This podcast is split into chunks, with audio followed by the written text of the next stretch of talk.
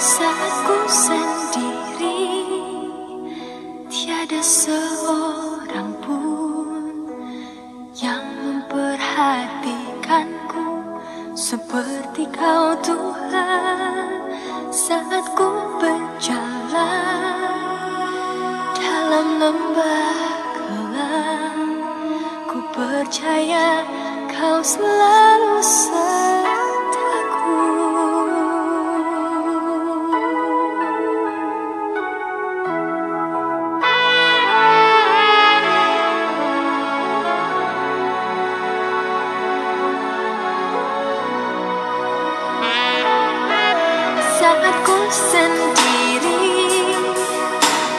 tiada seorang pun yang memperhatikanku.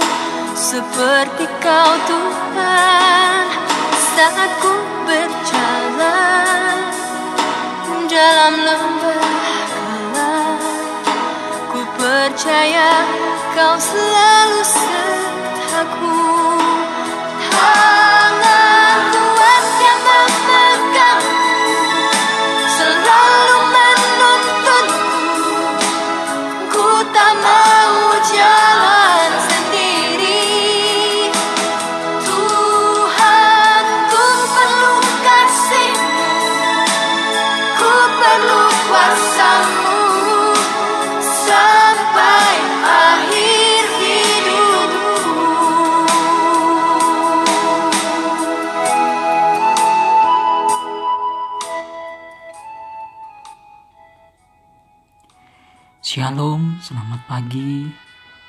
Sobat Morgan Witches di mana pun berada Kembali kita akan bersama-sama bertemu di dalam perenungan kita Akan firman Tuhan yang kita yakini bahwa firmannya iya dan amin Dan firman itu juga lah yang terus bertumbuh dalam hidup kita Menguatkan dan memampukan kita untuk terus melangkah di sepanjang perjalanan hidup yang Tuhan sudah berikan kepada kita.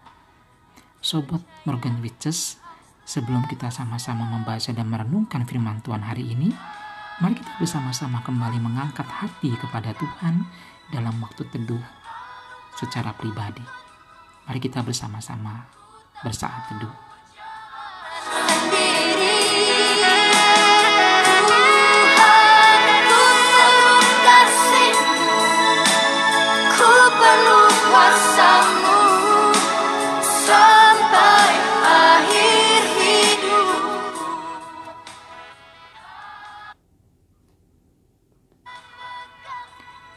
Sobat Morgan Witches, pembacaan kita hari ini diambil dari tetap kitab yang sama, kitab Yesaya, pasal yang ke-10, ayat yang ke-20 sampai 34. Yesaya pasal yang ke-10, ayat yang ke-20 hingga ayat yang ke-34.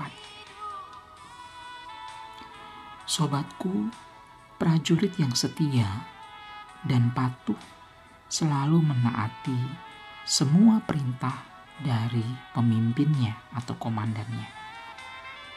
Dia tentu tidak akan menjalankan misinya menurut kemauannya sendiri tanpa perintah dari sang komandan. Bahkan dia rela mati demi misinya itu. Prajurit itu akan rela mengorbankan dirinya demi menjalankan perintah dari sang komandannya. Sobatku, kalau kita melihat dalam pembacaan kita hari ini, Yesaya memulihkan semangat orang-orang Israel yang tersisa, yaitu mereka yang masih setia kepada Allah. Sungguh heran ya sobatku, kehancuran Israel ini digambarkan sangat mengenaskan. Awalnya kita kenal dalam pembacaan kita, Israel digambarkan seperti pasir di tepi laut yang tak terhitung jumlahnya. Namun ternyata jumlah itu akan terus-menerus menyusut, nyaris habis. Yang tersisa hanya sedikit saja. Kaum sisa inilah yang menjadi cikal bakal Israel yang baru. Kaum sisa tersebut terdiri dari orang-orang yang setia kepada Allah Israel. Mereka tidak takut pada penindasan yang dilakukan oleh bangsa Asyur. Sebaliknya, penindasan itu kembali mengingatkan jati diri mereka pada peristiwa pembebasan Allah terhadap leluhur mereka di tanah Mesir. Sobatku kita bisa melihat dalam bagian ini bahwa Yesaya mengatakan Tuhan akan memelihara dan memulihkan kaum sisa Israel. Mereka akan kembali kepada Allah untuk bertobat dan bersandar kepadanya. Harapan Israel terletak pada kaum yang sisa ini, yang masih memelihara iman dan kesetiaannya kepada Allah Israel. Tuhan menghukum umatnya bukan untuk membinasakan, melainkan untuk menyadarkan mereka akan berbalik kepada Tuhan. Tuhan tidak pernah menganggap semua orang Israel itu melawannya, karena masih ada sekelompok orang, sekalipun jumlahnya sangat kecil, yang memiliki kesetiaan dan pengharapan kepadanya. Dan untuk generasi baru ini, Tuhan mengingatkan kembali peristiwa yang pernah terjadi pada nenek moyang mereka yang hidup di bawah perbudakan bangsa Mesir. Gambaran penderitaan itu pula yang akan mereka alami dari bangsa Asyur. Namun Tuhan menghibur dan menguatkan mereka untuk tidak takut dan gentar. Tuhan meminta umatnya untuk bersabar karena kemarahan Allah atas Asyur akan segera tiba. Sobatku, dalam bagian ini kita bisa melihat Israel masih ketakutan dan berkumpul bukan untuk berperang, melainkan untuk melarikan diri dari penyerangan Asyur. Padahal Israel tidak perlu takut kepada Asyur karena mereka mempunyai Allah yang maha kuasa yang mampu menghancurkan Asyur. Cara Tuhan menghancurkan Asyur digambarkan seperti menebang pohon untuk merobohkan kekuatan dan kesombongan dari bangsa Asyur ini.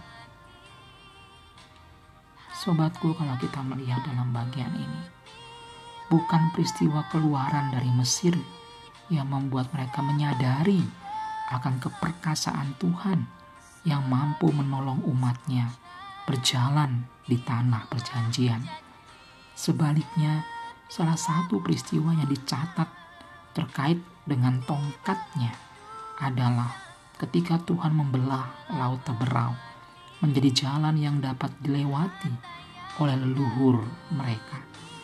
Keajaiban yang serupa itu yang akan Tuhan perlihatkan kepada bangsa Israel. Meskipun jumlah mereka yang sangat kecil, namun Allah memilih untuk memulihkan mereka menjadi umat yang hidup dalam ketaatan dan kekudusan Tuhan. Sobatku, apa yang bisa kita petik dari pembacaan dan peristiwa yang dihadapi oleh umat Israel? Kalau kita melihat dalam bagian ini, kita harus belajar dari kisah Israel. Mereka meninggalkan Allah dan mencari solusi sendiri yang tampaknya menyenangkan tetapi justru membawa mereka kepada kecelakaan. Namun sekali lagi, karena anugerah Tuhan, siapa pun yang sudah melukai hati Allah, jika ia mau bertobat dan kembali kepada Tuhan, Tuhan akan menerimanya kembali. Tidak ada seorang pun di antara kita hari ini yang ingin ditimpa penderitaan karena itu mari kita menyatakan kesetiaan iman kita kepada Allah. Agar kita senantiasa merasakan kasih dan pertolongannya. Kalau kita melihat dalam pembacaan ini, sekalipun kita sedikit, kalau kita membaca di awal, sekalipun jumlah bangsa Israel yang diselamatkan sedikit, namun itu dalam rangka kembali mengingatkan akan keperkasaan, kemahakuasaan Allah, dan kasih setia Allah yang tiada berkesudahan. Itulah tema menjadi perenungan kita pada pagi ini. kasih setia Tuhan yang tak berkesudahan. Sobatku, demikian juga hari ini. Meskipun kita ditempatkan di satu negara atau satu daerah yang kelihatannya sedikit jumlah orang percaya di negeri itu, tetaplah setia kepada Kristus. Lakukanlah kehendak Allah agar kerajaan Allah dapat bersinar melalui kesaksian kita. Apa yang kita rencanakan dan lakukan tetap dalam naungan berkatnya. Mari kita dengan setia terus melakukan firman-Nya.